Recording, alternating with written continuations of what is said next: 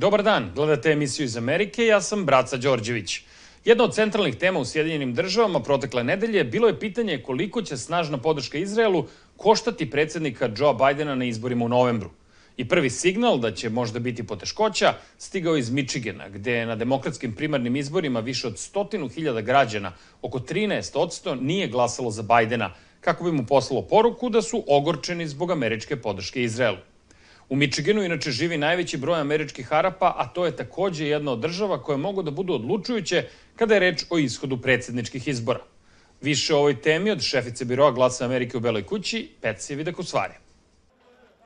Izrael nastavlja da vrši vazdušne udare na Rafu, najjužniji grad u pojasu Gaze, gde je utočište potražilo više od milion palestinaca, dok pregovarači nastoje da dogovore privremeni prekid vatre pred početak svetog muslimanskog meseca Ramazana. Nadam se da ćemo do ponedeljka imati prekid vatre. Pomak u krizi na Bliskom istoku je ključan za predsednika Joea Bidena. Neki od njegovih demokratskih glasača su besni i užasnuti zbog broja žrtava u Gazi. Predsednik je pobedio na demokratskim primarnim izborima u Michiganu, u kojem živi veliki broj arapsko-američkih glasača, ali je protiv njega organizovana kampanja Slušajte Michigan, koja je pozivala birače da napišu da su neopredeljeni kako bi primorali Bajdena da podrži trajni prekid vatre. Jedan od tih birača je američki palestinac Adam Abu Salah, koji je radio u Bajdenovom izbornom štabu 2020. We thought he was be somebody that would Mislili smo da će on biti neko ko će ovu zemlju voditi humanošću i saosećanjem. Umesto toga, on je vodi licemerjem. Američki muslimani i Arapi nisu značajno biračko telo na nacionalnom nivou po brojnosti. Međutim, broj neopredeljeni glasova u Michiganu je signal koliko snažno Amerikanci odbacuju Bajdenovu politiku prema Gazi, pošto su to i glasovi drugih grupa iz njegove koalicije, manjinskih birača i mladih i progresivnih demokrata, među kojima su i jevreji koji se protive ratu. Higher up Democrats Visoki zvaničnici demokratske stranke podrazumijevaju da će demokrate da izađu i glasaju za Bajdena, zato što je druga opcija zastrašujuća. Ali to takođe frustrira birače, jer smatraju da su iz godine u godinu tu za svoju stranku, a da ona ne sluša njihovo mišljenje. Neki američki muslimani kažu da čak ni alternativa ne može biti gora od Bajdena. Progresivna demokratkinja Samra Lukman je deo kampanje Napustite Bajdena. To što neko kao ja danas sjedi pred vama i kaže spremna sam da podržim Trumpa kao predsjednika, čovjeka sa suprotne strane političkog spektra, kako bismo smijenili Bajdena, pravo je svjedočanstvo o tome koliko nas je ovaj predsjednik iznevjerio. Još jedno svedočanstvo, čin američkog vojnika, pripadnika vojnog vazduhoplovstva Erona Bushnela, koji se zapalio ispred izraelske ambasade u znak protesta u nedelju. Bela kuća je njegovu smrt nazvala užasnom tragedijom.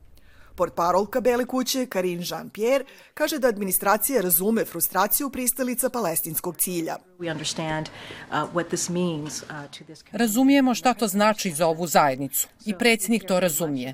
Veoma nam je stalo do toga šta ta zajednica osjeća. Međutim, Bajdenovi kritičari kažu da on ne sluša, iako brojne ankete pokazuju da sve veći broj Amerikanaca podržava trajni prekid vatre u Gazi. They're listening to donors and they're listening to pressure groups. Oni slušaju donatore, grupe za specijalne interese. Gde je centar moći stranke? On je uz establishment, ali gde je većina glasova u stranci? Ona je uz progresivno krilo, uz one koji smatraju da trenutna politika ne služi interesima pravde i mira. That justice and peace are not being well served by the current policy. Bez drastične promene u Bajdenovoj podršci Izraelu, Zogbi kaže da će biti teško da se arapsko-američki birači, ključno biračko telo u Michiganu, ubede da glasaju za njega na novembarskim izborima. Nije potrebno mnogo glasova da se izgubi ta država koja može da prelomi izbore. 2016. Donald Trump je pobedio u Michiganu sa manje od 11.000 glasova razlike. Sledeći utorak, 5. mart, u američkom političkom kalendaru poznat je kao super utorak. Na taj dan građani u 15 saveznih država i jednoj američkoj teritoriji glasaće na primarnim izborima demokratske i republikanske stranke.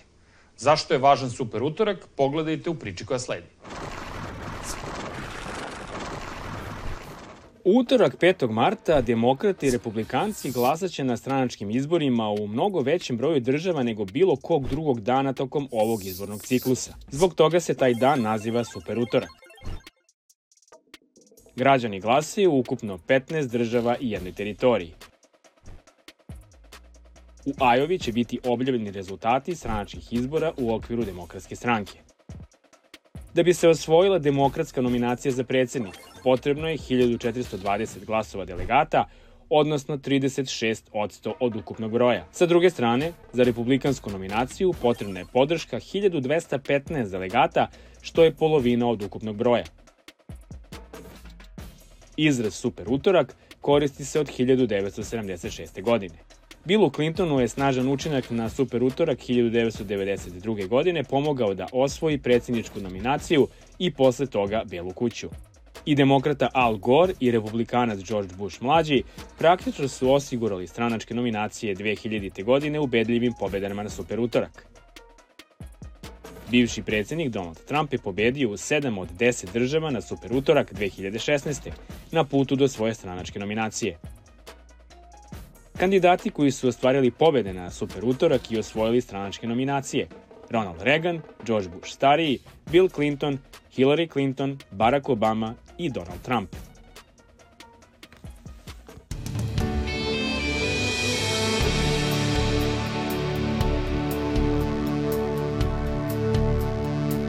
Dok američka pomoć Ukrajini i dalje stoji zaglavljena zbog političke blokade u Vašingtonu, na terenu vojska Sjedinjenih država prinuđena je da iz sobstvenih fondova finansira obuku ukrajinskih snaga. Zbog te strategije, američke snage u Evropi bi mogle da ostanu bez novca, dok rat u Ukrajini ulazi u treću godinu. Analitičari kažu da bi takva situacija mogla da bude poklon Vladimiru Putinu. Više detalja u priči Karle Bab. Dok Kongres Sjedinjenih država čeka na usvajanje budžeta za odbranu i na odluku o vojnoj pomoći Ukrajini, američka vojska sama finansira obuku Ukrajinaca. To je esencijalna misija, ne možemo im okrenuti leđa. Tako da, da, apsolutno, naša vojska će uskoro morati da počne da razgovara i napravi neke teške odluke koje će uticati na čitavu vojsku. Vojni zvaničnici kažu glasu Amerike da će, ako se ništa ne promijeni, američke snage u Evropi i Africi početkom ljeta ostati bez sredstava za bilo koju namjenu, uključujući i za pomoć Ukrajini, kao i za američke operacije i vježbe sa NATO saveznicima. To je kriza zbog koje se pale alarmi, kaže portparolka Pentagona. Definitivno smo ranjivi. Ne možemo da se modernizujemo, ne možemo da menjamo programe. To je kao da se borite sa jednom rukom zavezanom iza leđa. Analitičari navode da se rat Rusije protiv Ukrajine i dalje nadvija nad evropskim kontinentom. And if you start curtailing training and readiness... A ako počnete da smanjujete obuku i borbenu gotovost američkih snaga u Evropi, onda je to još jedan poklon Vladimiru Putinu. Takav poklon bi ohrabrio dodatnu agresiju Rusije, kaže ovaj vojni veteran, što bi bilo mnogo skuplje nego što iznosi trenutni budžet za vojnu pomoć inostranstvu. It's, it's providing Ukraine To obezbeđuje oružje Ukrajini danas, kako Amerikanci ne bi morali da daju svoje živote sutra. Toliko je jednostavno. Ministar spoljnih poslova Ukrajine nedavno je rekao CNN-u da njegova zemlja ne bi izgubila grad Avdejevku, iz kojeg su se ukrajinske snage nedavno povukle, da su dobile svu municiju za artiljeriju koja im je bila potrebna za odbranu. Do you agree with his assessment? Slažete li se sa tom ocenom? I do. Slažem se. Avdejevka je bila strateško povlačenje, ali povlačenje zbog toga što kongres nije delovao. To je direktno povezano. Februar je peti mjesec u kojem je Pentagon funkcionisao bez punog budžeta, a novu vojnu pomoć Ukrajini nije poslao od kraja decembra.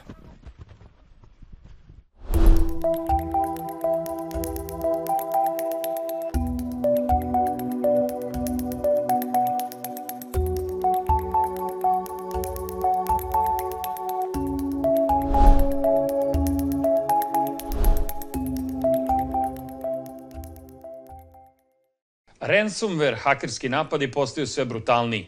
Na meti su često škole i bolnice, što dovodi do objavljivanja poverljivih informacija koje ugrožavaju bezbednost dece i pacijenata. Rastu i otkupnine. U 2023. žrtve su u proseku kriminalcima plaćale milion i po dolara, zbog čega neki stručnjaci smatraju da isplate treba u potpunosti zabraniti. Ovu temu istraživao je Dino Jahić. Najmanje 2207 bolnica, škola i vladinih institucija u Sjedinjenim državama bile su tokom 2023. godine direktno pogođene ransomware napadima, navode iz kompanije za cyberbezbijednost MCSoft. Prilikom ransomware napada, hakeri zaključavaju podatke u računarskim sistemima žrtava te im onemogućavaju funkcionisanje.